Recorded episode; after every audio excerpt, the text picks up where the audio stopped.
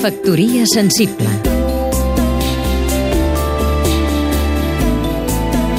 Vicenç Altaió, escriptor Prosa brossa. Llàstima infinita que Catalunya no hagués sabut continuar a peu quan l'any 36 li feriren el cavall. Escrivia brossa el 45 i afegia en un text inèdit que l'edició sobre prosa completa ens descobreix.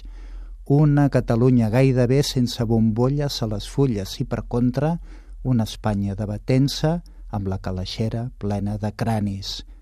I amb esperança brossa reblava de segur que els nostres balcons donarien al jardí.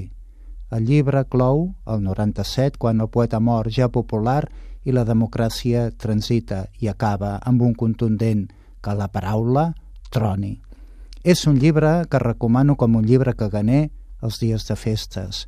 La prosa de Brossa és l'altra vessant de l'obra poètica, però més aquest calaix de sastre fa La progressió, un llibre d'història.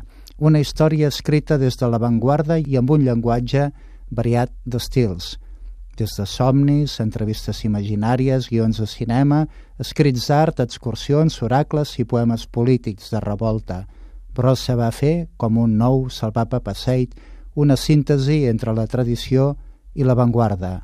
Va sumar la cultura popular, les rondalles i el surrealisme, i a l'alegria la vida quotidiana, contra el confeti, contra la retòrica, l'acadèmia i l'evasió. Brossa era mag i guerriller, com ho és la gent de la cultura, i no anava sol. A la realitat, deia, se li han d'obrir les finestres. Ha de ser un punt de partida, no pas d'arribada. Visca Brossa. Factoria sensible